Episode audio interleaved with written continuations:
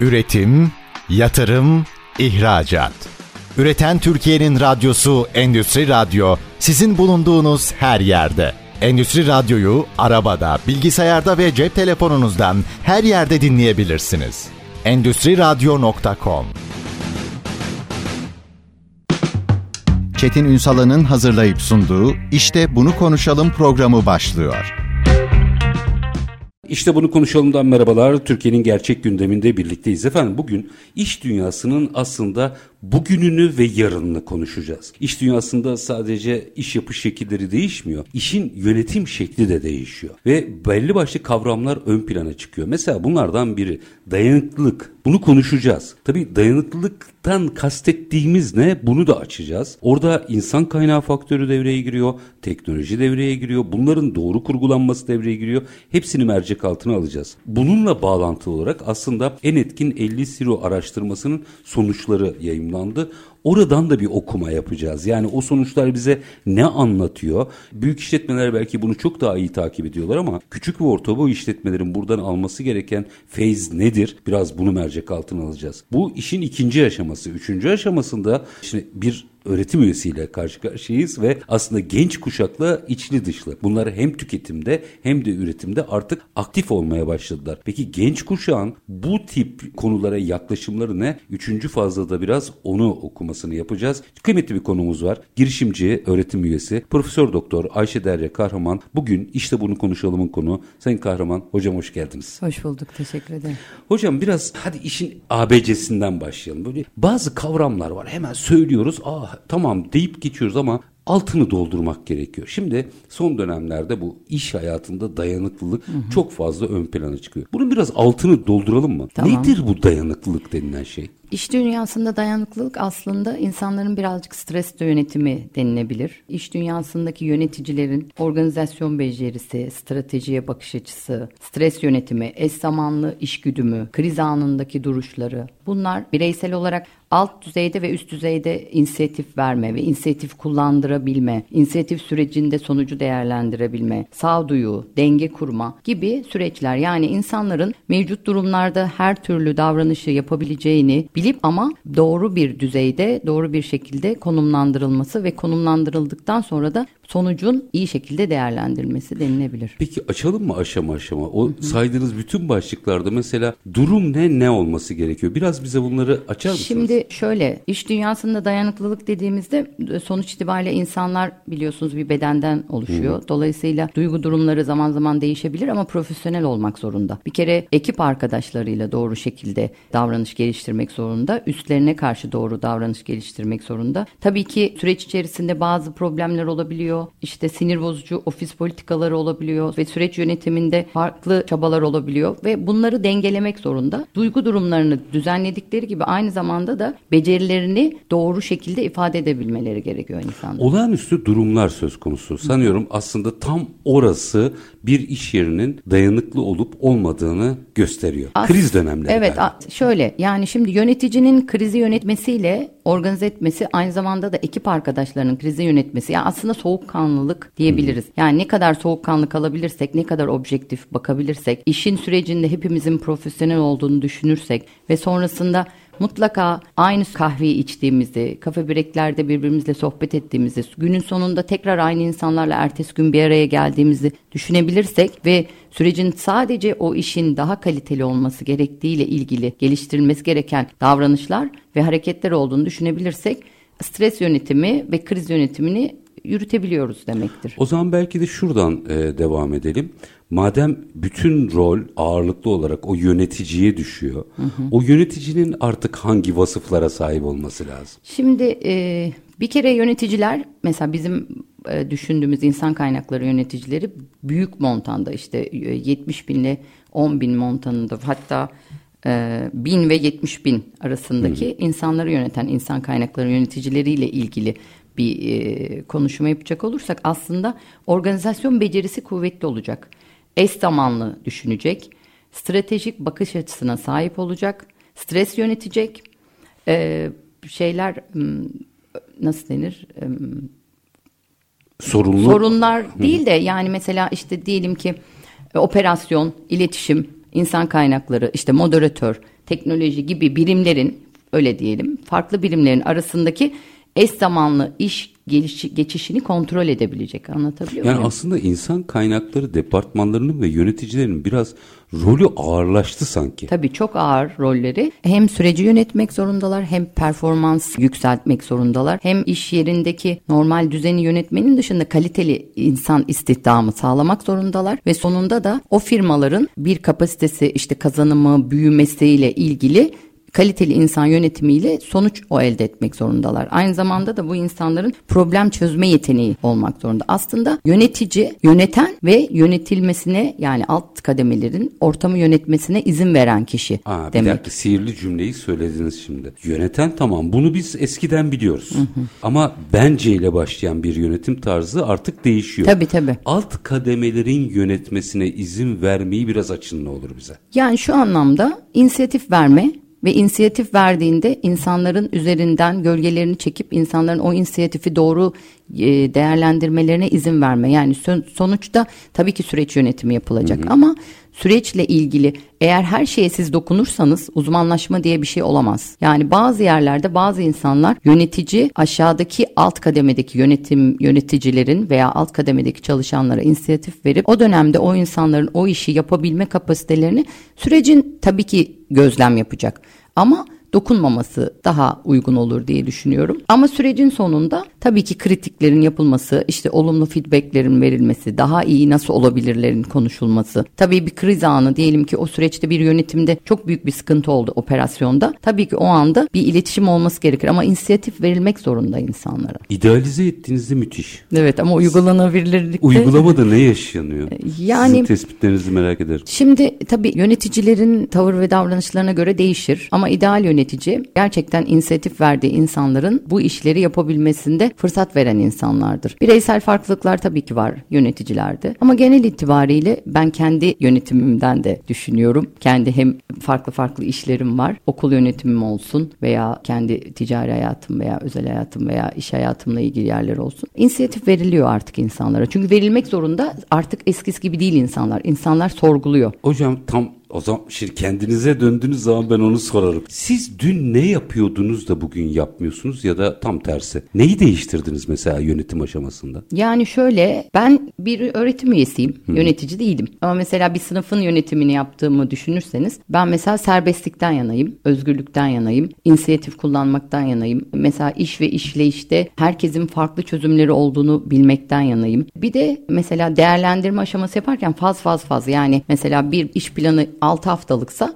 siz her hafta yapılacak işlerle ilgili bir planı hazırlamalı ve her hafta o işin takibini yapmalısınız. Ha, birdenbire bütün işi yüklemeyeceksiniz. Hayır öyle bir şey yani mümkün değil. Sonuçta insanlar bir işi yaparken öğreniyorlar ve gelişiyorlar. Dolayısıyla hani ilk başta bir insandan bir işi bekleyip de sonucunu çok iyi almayı bekleyemezsiniz. Ama eğer bunu parçalandırırsanız, gruplaştırırsanız iş planını bir hafta şu yapılması gerekir. Ne yapıldı ne yapılmadı. Ha tamam bu kısmı olmuş. O zaman bir kısmına daha devam edelim. Orada mesela feedback verilebilir. İşte bu kısım şu şekilde olmuş bu şekilde olsa iyi olur. Yani takip diyelim. Yani iş takip sistemi. Şimdi sahaya indiğimizde bu sohbetleri yaptığımızda gelen yanıtlardan birini söyleyeyim. siz oradan açın ne olur. Tamam bunlar güzel ama ben de herkesi özgürlük alanı bırakırsam kakafoni olur. Kaos olur savunması geliyor hep. Yok. O dengeyi nasıl kurması gerekiyor? Ya şimdi tabii ki çalışanlarda bireysel farklılıklar var. Bu bireysel farklılıklar gözetilmeli. Mesela fazla özgüven ya da özgüvensizlik ya da işi çok biliyor olduğunu zannedip işi sonrasında hani uygun şekilde yönetememek gibi bireysel farklılıklar olabilir. Orada da biraz aslında sezgiler de diyebiliriz. Ama iş potansiyelini de insanın zaman içinde görürsünüz. Yani yeni tabii ki yeni başlayan bir kişiye usta çırak ilişkisiyle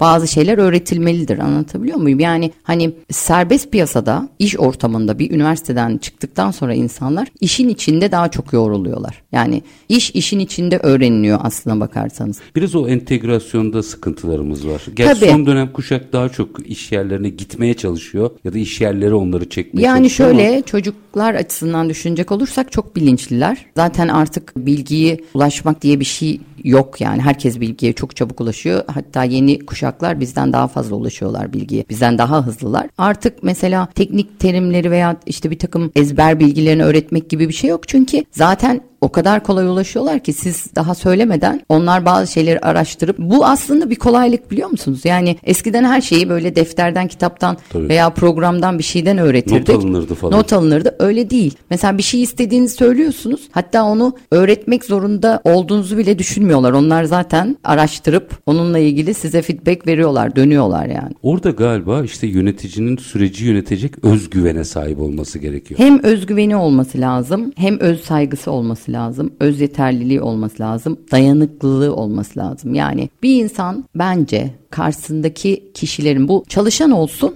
yönetici olsun. Eğer insanların bireysel davranışlarını ve sizinle ilgili size verdiği kötü benliği aynalamazsanız bir süre sonra o davranış köreliyor. Ha, aslında yani karşımızda eğer problemli biri varsa biz kendimizde arayacağız onu. Evet aynalamamak lazım. Yani kendimizde arayacağız da demeyelim de her şey olabilir. Yani, Yani biri... ben ne yapıyorum da bu reaksiyonu alıyorum Ya da o öyle bir insandır. Yani öylesi de olabilir. Hani siz belki bir şey yapmıyorsunuz ama karşıdaki kişinin ne bileyim serttir, otoriterdir, tavrı böyledir. Aslında öyle biri değildir normalde. Ama hayat şartları onu o hale getirmiştir. Eğer bunu kişiselleştirmezseniz yani işte benim yöneticim bana işte kızıyor, surat yapıyor gibi bunları hani kendinize öznelleştirmezseniz bunun genel geçer veya havayı koklamak diyelim. Mesela diyelim ki bir ofistesiniz 8-10 kişi var. E bir bakarsınız yani bu insan sadece size mi böyle yoksa herkese mi böyle? Normalde mi sert yoksa işte gün içerisinde herhangi bir stres olduğunda mı sertleşiyor? Bunları aynalamazsanız aynalamadığınız sürece bunun karşılığında da doğru cevapları aldığınızı görürseniz zaten başarılı oluyorsunuz. Yani kısaca öfke ve ego ile ilgili şeyleri bence aynalamamak gerekiyor. Ve törpülemek gerekiyor. Evet, aynen. Şimdi- Sakin olmakta fayda var. Ay yaşayın. Minik bir araya gideceğim. Aranın ardından aslında o ilişkilerde bir noktayı daha açmanızı rica edeceğim. Sonra da bunu biraz insan kaynağı üzerinden de okumak istiyorum ama minik bir araya gidelim. Tamam. Herkes çayını kahvesini bir tazelesin. Tamam, Aranın ardından girişimci öğretim üyesi Profesör Doktor Ayşe Derya Kahraman'la iş dünyasında dayanıklılığı konuşmaya devam edeceğiz. Lütfen bizden ayrılmayın.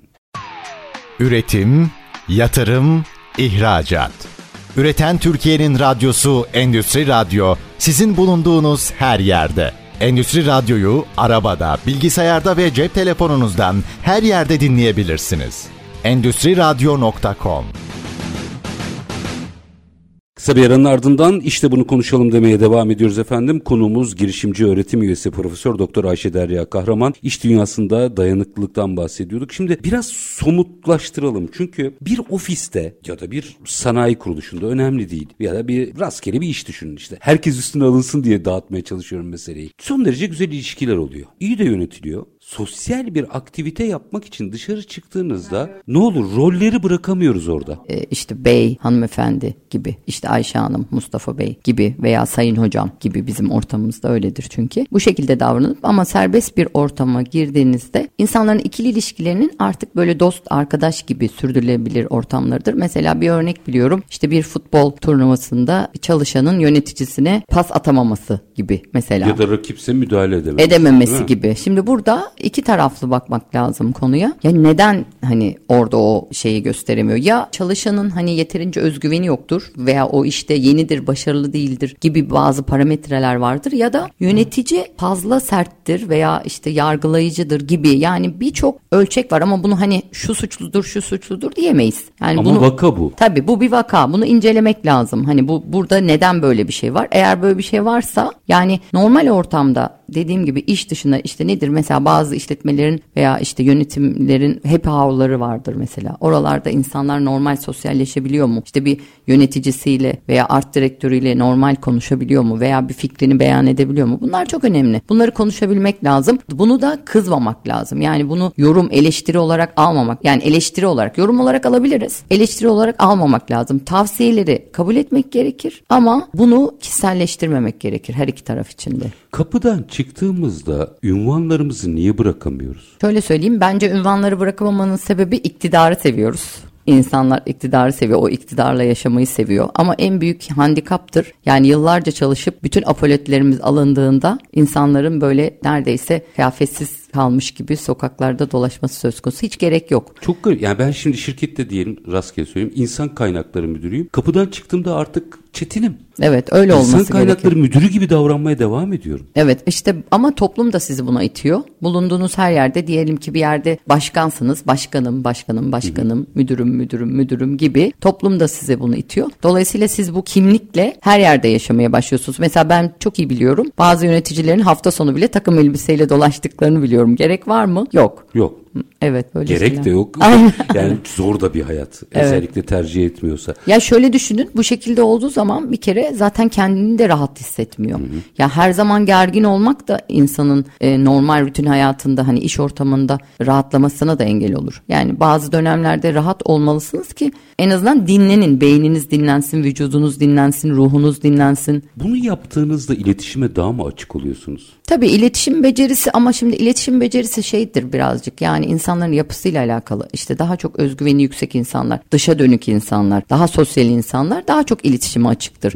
Bazen siz birine bir şey söylersiniz. E, iletişime açık değildir bunu başka türlü anlar. Herkese ne söylediğinizin nasıl anlaşıldığını bir kağıda yazsanız herkesten başka başka şeyler çıkabilir. Çok zor parametreler bunlar. İnsan ilişkileri hayattaki en zor ilişkiler. Hele ki iş içindeki dengeyi kurmak çok daha zor. Mesela çalışanların diyelim ki insan kaynaklarında çalışanların kendilerini iyi hissetmeleri için mesela kişisel gelişim programları hazırlanabilir onlar için. Psikolojik olarak kırılgan olan kişiler tespit edilip onlara işte kendilerini geliştirebilecek çalışmalar yapılabilir. Onun dışında dayanışma ve iletişim artırılabilir. İşte ne bileyim bu dayanışma ne olabilir? Ne bileyim bir etkinlik yapılabilir. İşte kişilerin doğum günleri kutlanabilir. Hani hep o beraber. boşluklar çok fark ediyor Tabii değil tabii mi? yani kişinin hatırlandığını bilmesi mesela çok güzel bir duygu. Mesleki deneyimlerini paylaşabilecek çalışmalar yani ne bileyim bir işte akşamüstü bir çay ve işte bir pasta gibi ama mesela orada normal herkes bütün rollerini bırakıp o günü değerlendirebilir, o ayı değerlendirebilir. İş yaşam arasında denge kurmaları sağlanabilir. Duygusal kapasiteleri ölçülebilir, stres yönetimlerine bakılabilir çalışanların. Takdir mekanizması genişletilir. Yani şöyle düşünün. Mesela ben bir hocayım. Sınıfta ben bir çocuğa gidip saçını sıvazladığımda ertesi gün daha çok çalışıyor. Ha, çok güzel bir gösterge. Ya biz hepimiz böyleyiz ama. Kaç yaşında olursanız olun biz olumlu pekiştireçlerle çalışıyoruz. Yani onaylanmak o kadar güzel bir duygu ki insanlar için. Bu iş yaşamında da böyle, evde de böyle. Yani çocuğunuzu da onaylarsanız daha çok gelişir. İşte çalışanınızı da onaylarsanız, iş arkadaşınızı da onaylarsanız. Bazen ben mesela daha çok çalışsın diye de yapıyorum. Fark ediyorum gözündeki mutluluğu öğrencilerimin. Yapıyorum yani. Aa çok güzel olmuş. Ne kadar güzel olmuş gibi söylemler düzenliyorum onlara. Mesela mesela belli aralıklarla iş toplantıları yapılabilir. Mesela ayda bir kere iş toplantısı yapılabilir. Nasıl? Ayda bir kere toplantı yapılır. Bu ay bu işi nasıl değerlendirdiniz? Hani işlerimizde nelere dikkat etmeliyiz? Neleri düzenlemeliyiz? Burada sizce eksikler nelerdir? Sınırsız ama. Tabii tabii. Fikri- fikri anlamda aynen, sınırsız. Tabii ama yani e, şey kişiselleştirmeden yani Tabii. orada bir karşı kişi anahtar kelime göstermeden durum analizi şeklinde. İşte belli anket çalışmaları yapılabilir. Sonuçta isimsiz istenebilir bunlar. Yani herkes açıkça görüşlerini belirsin. İsimli olursa çünkü yazamazlar belki. Güzel bir yöntem. Aynen o da olabilir. Mesela işte kişilik, cinsiyet bu tarz farklılıklara bakmaksızın herkese karşı doğru çözümler üretilmeye çalışılabilir. Yani işte ne bileyim din, ırk işte gibi, cinsiyet gibi. Ekip liderlerine ayrıca empati ve iletişim çalıştayları yapılabilir. Hani ekibi nasıl yönetecek diye. Stres yönetimi çalışmaları yapılabilir. Çalışanların özel konularıyla ilgili destek verilebilir. Yani bir kişinin performansı 10 iken işte 8 olduysa 7 olduysa 6 olduysa gözlemci olmak yani bir de çerçevenin dışından çıkıp bakmak denilebiliyor buna. Gidip bu konuşulabilir. Nasılsın, iyi misin, bir şey mi var, bir desteğe ihtiyacın var mı gibi. Yani özel ilgilenmek gibi değil de sonuçta sorunlara dokunmak gibi. Farkında olmaktan bahsediyoruz Evet. aslında. Ya aslında evet hem farkında olmak hem de yani havayı koklamak diyelim. Ne oluyor? Hocam orada bir şey açabilir misiniz? Şimdi o f- farkında olmak veya o kişilerin e, dikkatli olması kişilere, çalışanlarına karşı güzel bir şey. Fakat bazen subjektif. Burada galiba teknoloji devreye giriyor değil mi? Evet, Yani evet. o teknolojinin bu tip saptamaları yapabilmek ve yönetebilmek adına aslında şimdi bize sunduğu çok büyük avantajlar var. Tabii. Biraz bunların farkında olmamız lazım. Ne dersiniz? Şimdi teknolojinin iş hayatındaki fonksiyonları çok değişik. Mesela iş yerinde teknolojiyi artırarak verimliliği artırmamız mümkün. Yani nedir teknolojiyi artırmak? İşte faturalandırmadan müşteri hizmetlerine, üretim alanlarındaki teknolojik gelişmelere, ekipmanlara, son kullanıcıya ulaşmaya, iletişimdeki sohbet ortamını yaratmaya. Mesela teknolojiye ilk başta çok fazla yatırım yapılmamakla beraber Mesela iş dalına uygun teknolojiler seçildiğinde çok iyi sonuçlar alınabilmekte. Mesela bunlar ne olabilir? Siber saldırılara karşı mesela kurumu korumak. İşte diyelim ki kurumun bir alışveriş akışı var. Müşterilerin özel bilgilerini korumak. İşte ne bileyim kredi kartı bilgilerini korumak. Veya işte kişisel hassas bilgileri korumak olabilir teknolojinin avantajları. Veya üretici, tedarikçi, son kullanıcı gibi iyi iletişim kurma arasındaki iletişimleri korumak. Sonuçta mesela şu anda sosyal medyada çok fazla biliyorsunuz iletişimi desteklemekte. İşte sosyal medya ile ideal tüketiciye ulaşmak, hedef kitleye ulaşmak. Çünkü her ürünün hedef kitlesi farklı. Kiminin çocuklar, kiminin gençler, kiminin yaşlılar, kiminin tüm insan, kiminin erkekler, kiminin kadınlar. Tabii. Değişik Ürüne yani. göre, hizmete göre değişir. Aynen. Yani dolayısıyla hani bu şekilde eğer firmanın prestiji ve güvenilirliği korunursa teknoloji çok iyi bir etkendir teknoloji firmaları geliştirmekte. O zaman bir tık dışarı çıkalım mı? Yani bu şirket için hep konuşuyoruz ama Evet. dışarı çıktığınızda aynı şey girdiğiniz bir pazarda, girdiğiniz bir sektörde hatta ülkede yine aynı empatiyle yaklaşmanız gerekmiyor mu? Birçok başarı başarısızlık hikayeleri var. Şimdi bir tane hikaye anlatmak istiyorum Çok mümkünse. Geçen hafta bir insan kaynakları zirvesindeydim ben. Türkiye'nin en büyük insan kaynakları zirvesiydi bu. Ve Türkiye'nin ekonomisinin %65'ini oluşturan en büyük 50 insan kaynakları firmasına, firmasının yöneticilerine ödül verildi. Ve bunların ne mutlu ki %60'ı kadınlardan oluşmakta. Bu da benim hoşuma Çok gitti güzel. doğruyu söylemek gerekirse. Evet çok güzeldi. Yaklaşık e, 1000 ile 70 bin arasındaki kişiyi yöneten insan kaynakları yöneticilerine verildi orada ödül. Orada şöyle bir konuşma geçti. Tabii paneller var. insanlar konuşuyor. Bir telekomünikasyon firmasıydı sanırım internetle ilgili. İş geliştirme ile ilgili bir şey anlattılar. Bunlar Afrika'da kabileler var biliyorsunuz. Orada işte bu kendi ağlarını genişletmek istiyorlar. Fakat bir e, şeyde kabilede başarılı olamıyorlar. Sonra bir araştırmak istiyorlar. Bunu biz nasıl yapabiliriz diye. Şöyle bir şey e, öğreniyorlar. Burada insanlar vefat ettiğinde ne kadar iyi bir insansa o kadar böyle şaşalı, o kadar böyle Temaşası bol oluyor yani. bol. Evet bir tören yapılıyor. Sonra bunlar söylüyorlar işte bizim sistemimizden şu kadar kullanırsanız size şu kadarlık bir tören. İşte diyelim ki onun iki katı bir şey telekomünikasyon sistemi kullandınız daha şaşalı. Bunu böyle birkaç boyutta teklif ediyorlar ve gerçekten o kabilede bir sistematik bir yükselme görüyorlar ve diyor ki yönetici bir de diyor şanslıyız çünkü diyor 3 yılda diyor sadece 6 kişi vefat etti diyor.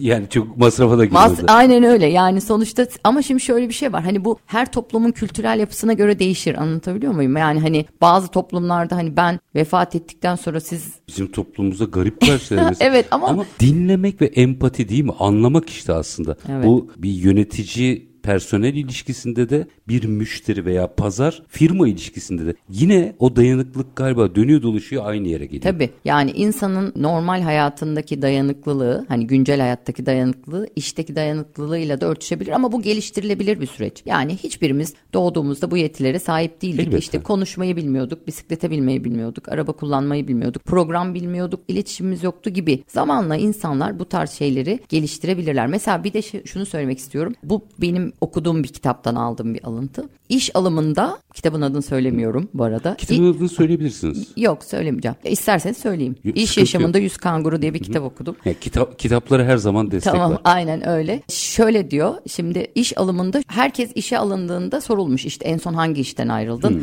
ne kadar çalıştın falan. Bir kişi en son işte işte 3 yıl 6 ay 2 gün çalıştım şu tarihte ayrıldım demiş onu işe almışlar. Neden? Neden? Çünkü ne kadar çalıştığını, ne kadar süre orada çalıştığını ve hangi tarihte başlayıp hangi tarihte Biliyor. biliyor. Yani işini bilinçli yapıyor. Mesela aynı kitapta okuduğum başka bir şey var. Yine bir firmada çaycı işte bilişimlere çok meraklıymış yani teknolojiye çok meraklıymış. Yönetici işte teknolojiyle ilgilenen departmandaki kişi işten ayrılınca demiş ki gel oğlum sen bunu bir çalış. Çocuk bunu sürekli geliştirmiş ve 3 ay sonra onu oraya tekrar yönetici yapmışlar. Mesela insanlara da fırsat vermek lazım. Fırsat vermek. Evet yani yargısızca yargısız yani gözlemlemek lazım. Hani illa herkes üniversite okuyacak, illa herkes işte ne bileyim belli titreleri alacak diye bir şey yok. Sonuçta alaylı diye bir terim de var. Yani insanlar kendilerini yetiştirerek bir yerlere de gelebilir anlatabiliyor muyum? Yani ama tabii bu gözlem işte gözlem. Orada da yöneticiye iş düşüyor işte. Evet aynen. Şimdi aslında yeni tip yöneticinin de eskiden de bunlar geçerliydi ama en azından elinde çok daha fazla veri var bunları yönetebilmek için. Dayanıklılık da burada artıyor galiba. Şimdi minik bir araya gidelim. Tamam. Aranın ardından yine bu örnekleri açarız ama bu en etkin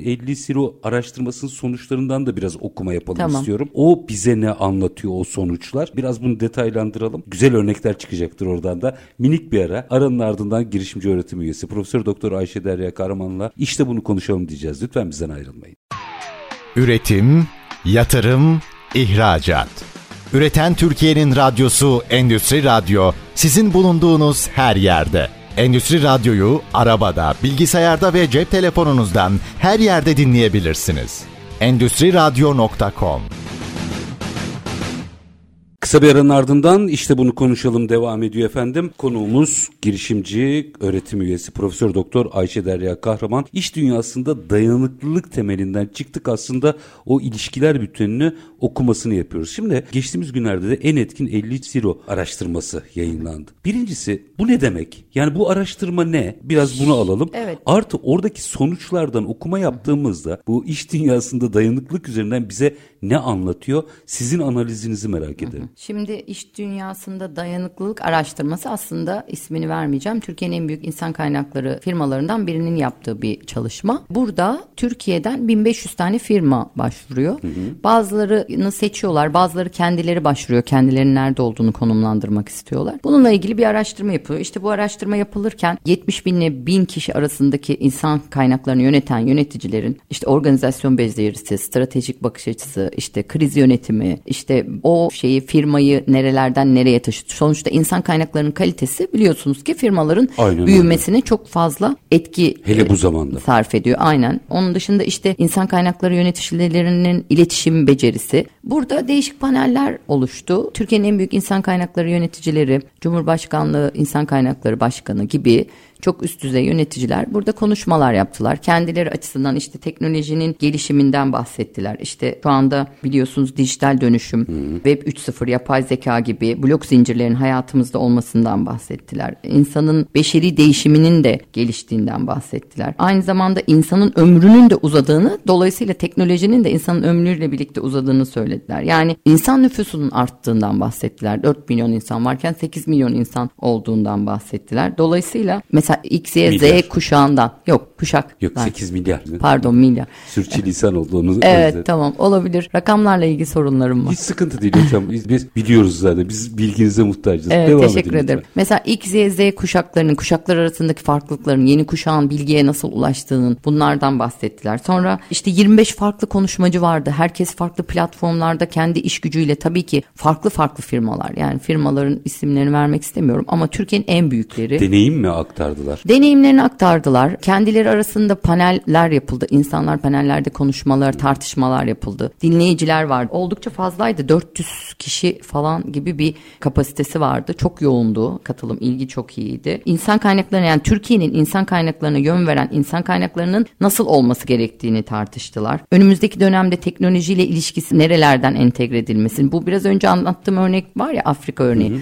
O da orada konuşuldu mesela. Müthiş bir örnek. Aynen çok çok beğendim. Çok hoşuma gitti benim de. İşte panellerde bazı e, yetenek zorluklarını, yetenek zorluklarının nasıl aşılması gerektiğini, insanlara nasıl inisiyatif verilmesi gerektiğini. Bir de tabii tüm kuruluşların liderleri olduğu için fikir alışverişi yani beyin jimnastiği yapıldı orada. Bence çok faydalıydı. Onun dışında Genel kanaat ne hocam? Yani O- aşağı yukarı herkes idealize edildiğinde aynı şeyleri konuşuyordur. Ama mesela oradaki deneyimlerin paylaşımı bence çok kıymetlidir. Yani genel kanaat şu mesela gücünü bir araya getirdiğimiz ve katma değer vergisi verdiğimiz şeylerin sadece ürünler olmadığını insanla da yatırım yapmanın çok önemli olduğu ile ilgili bir genel kanaat vardı. Yaşayın. Bu arada şey var yani internetin çok fazla gelişmesiyle birlikte aslında biraz da internetle ilgili yani sosyal medya ve onun dışında işte bir takım ürünlerin ve hizmetlerin geliştiği geliştirilmesiyle ilgili genç kuşağa ilişkin yapılan yatırımlardan da bahsettiler. Yani genç kuşağı hem ürüne hem bilgiye hem de sürece entegre etmeyle ilgili çalışmalardan da bahsettiler. farkındalık çok yüksek orada genç Evet kuşak. yani genç kuşakla ilgili inanılmaz çalışmaları var. Onlardan da bahsettiler. Sonra geleceğe nasıl yatırım yapılacağından, işte yatırım yapılmak için insanların neler yapması gerektiğinden, şirketlerin sağlıklı büyümeleri için nasıl bir feedback verilmesi ve bununla ilgili çalışmalar yapıldığından bahsettiler. Ve çok güncel konular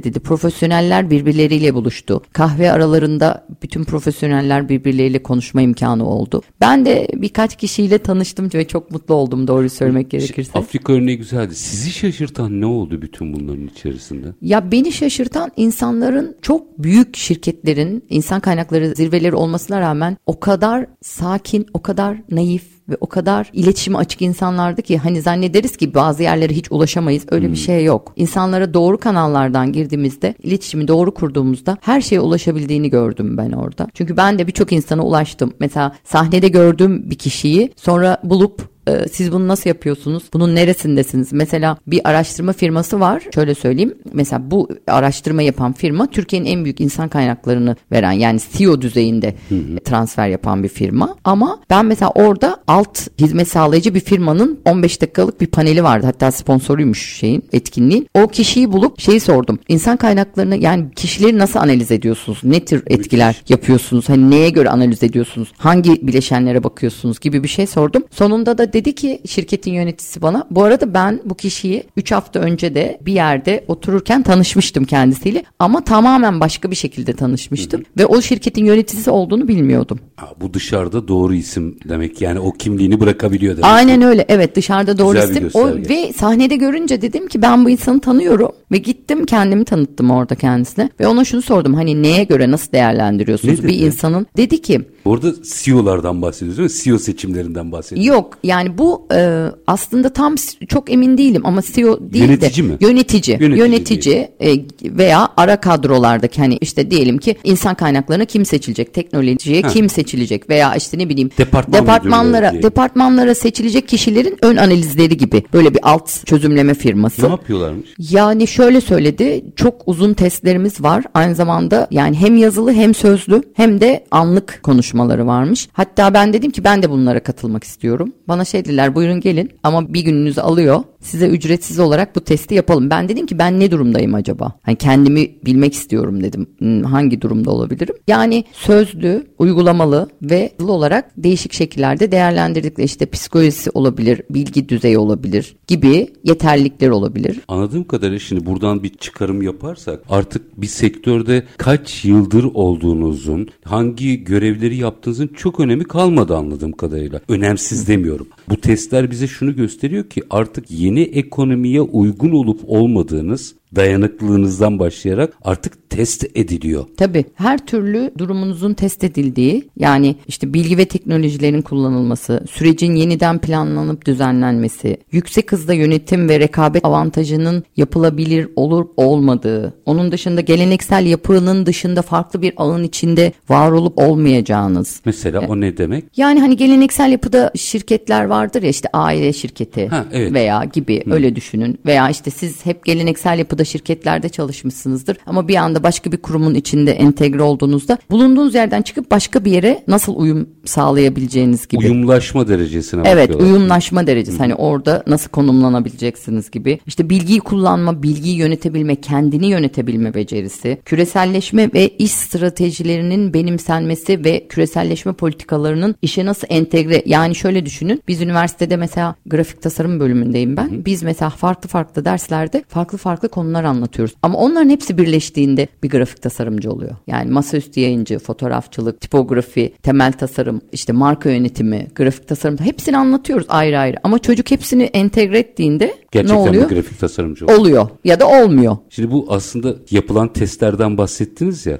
Siz o testleri sayarken aynı zamanda galiba yeni yöneticinin taşıması gereken özellikleri de sardınız bize. Evet yani yeni yöneticiler bilgi ve teknolojiyi kullanabilen, siz süreci kendisi planlayan ve sürecin yönetiminde planlamayla ilgili de inisiyatif verebilen, yüksek hızlı yönetim yapabilen, eş zamanlı düşünebilen yani yüksek hızlı yönetim derken hani yönetim entegrasyonu da sağlayan, aynı zamanda da rekabet ve rekabetin avantaj ve dezavantajlarını öngören Yani rekabet ama doğru bir rekabet. Hani Analitik zeka E, yani. Evet Analitik evet. Tabii analitik zeka. Analitik zekanın dışında da hani yani rekabetin de bir kalitesi olması gerekiyor. Ah, çok güzel laf. Çok Anlatabildim mi? laf. Yani- Zaten en büyük problemlerden biri Yani rakip olurken insanların birbirine rekabetin de bir kalitesi olması gerekiyor. Rekabet yaparken aynı türde türevde ürünlerle ilgili çalışırken karşısındaki kişiyi yani kendi farkını ön plana çıkararak karşındaki kişinin eksiklerini ön plana çıkartarak değil de kendine artı bir şey katarak anlatabiliyor muyum? Yani o, o tarzda şöyle düşünün markalaşma sürecinde aynı ürünleri aynı peronda görebilirsiniz ama bir tanesini alırsınız.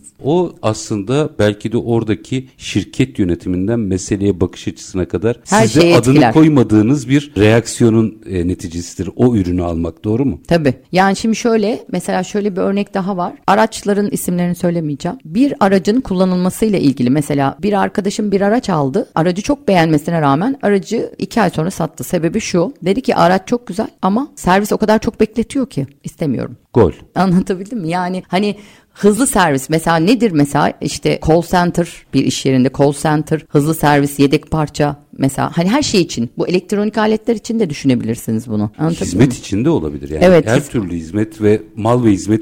Bütün e, mal ve hizmet sektöründe her şey için olabilir. Yani hepsi bir arada. İşte ne bileyim call center, işte ürünün kalitesi, ürünün servisi, işte ne bileyim ürünle ilgili iadenin çabuk dönmesi gibi. Yani her şey olabilir. Bütün bunlar çıktı. Bu bahsettiklerinizin hepsi çıktı. Girdiye bakalım mı? Tabii. Dayanıklı iş yerlerinin neticesi midir bunlar? Tabii ki dayanıklı iş yerlerinin neticesidir. Çünkü sonuçta dayanıklı iş yerleri gözlemcidir. Gözlemci oldukları için hataları ve sonuçları görüp onunla ilgili yeni iş planları çıkartmıştır. Dolayısıyla da zaten bu firmalar büyür. Bu da tabii şununla ilişkili kaliteli insan kaynağı. Oradaki seçim kritik galiba. Aynen o yüzden işte insan kaynakları çok önemli. İnsan kaynak, doğru insan kaynakları, kaliteli istihdam, o sürecin yönet hepsi birbiriyle aslında şöyle girift yani hepsi birbiriyle iç içe. Yani süreçte yani ürün, marka, süreç, iş yapısı ne bileyim işte normal günlük işler anlatabilir mi? Rutin işler, hedefler mesela her firmanın hedef planı var. İşte 6 ay sonra şurada olacağız. Bir yıl sonra şurada olacağız. Bir sonraki yıl hedefimiz şu. Yani bunu ne kadarını karşıladık, karşılamadık. O zaman sözlerinizden şunu anlıyorum. İşte iş hayatında dayanıklılık, dayanıklı şirketler. Bunlar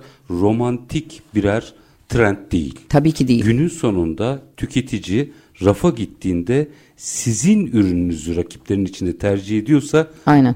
onu ekmiş bunu biçmiş oluyorsunuz. Şimdi şöyle bir şey var mesela bir ürünü tercih edersiniz ama o, o ürünü e, diyelim ki mesela şöyle bireysel farklılıklar var. Mesela ben 40 yaşından yukarı olduğum için ben mesela geleneksel bir insanım. Hep aynı tarz ürünleri alırım. Ama mesela gençler değişik ürünleri tercih ediyorlar. Dolayısıyla hani Deniyorlar bir de. Tabii deniyorlar hatta anlatıyorlar. Ben ambalaj tasarımı dersine giriyorum. Mesela ürün istiyorum onlardan. Değişik değişik gofletler işte e, ürünler falan geliyor. Mesela öyle düşünün hani benim işimle ilişkilendirirsek. Mesela şu var eğer bir ürün uygunsa güzelse hani uygunluk nedir? Uygunluk işte hizmettir. Uygunluk mesela tattır. Uygunluk mesela ergonomidir. Uygunluk işinize yaramasıdır anlatabildim mi? Yani işlevidir gibi. Bütün bunlar varsa ürünün tekrar oluşabiliyor ama yoksa geri feedback alamıyorsunuz. Yani şeydeki tirajınız da düşebiliyor. Dolayısıyla mesela bazen ürünlerin isimleri değişir. Mesela araba markalarında arabanın üstteki bir ismi farklıdır ama altta isimleri değişmiştir. Neden? Mesela bu bir satış stratejisidir. Siz mesela orada arabanın bir araba markasını hiç isim vermeden söylüyorum. Tabii, tabii. Bir araba markasını beğenmezken aynı üstteki yani şemsiye markanın altındaki başka bir arabayı beğenebilirsiniz mesela. O yüzden isimleri hep değişir. Değiştirirler. Aynen isimleri değiştirir. Aslında bu avantajdır. Neden? Mesela aynı ürüne takılıp diğer ürünleri almamazlık yapmazsınız. Fark etmezsiniz. Aa, belki de bilmiyorsunuzdur o firmanın o Bilir. markaları çıkardığını. Yani sonradan araştırırsanız öğrenirsiniz.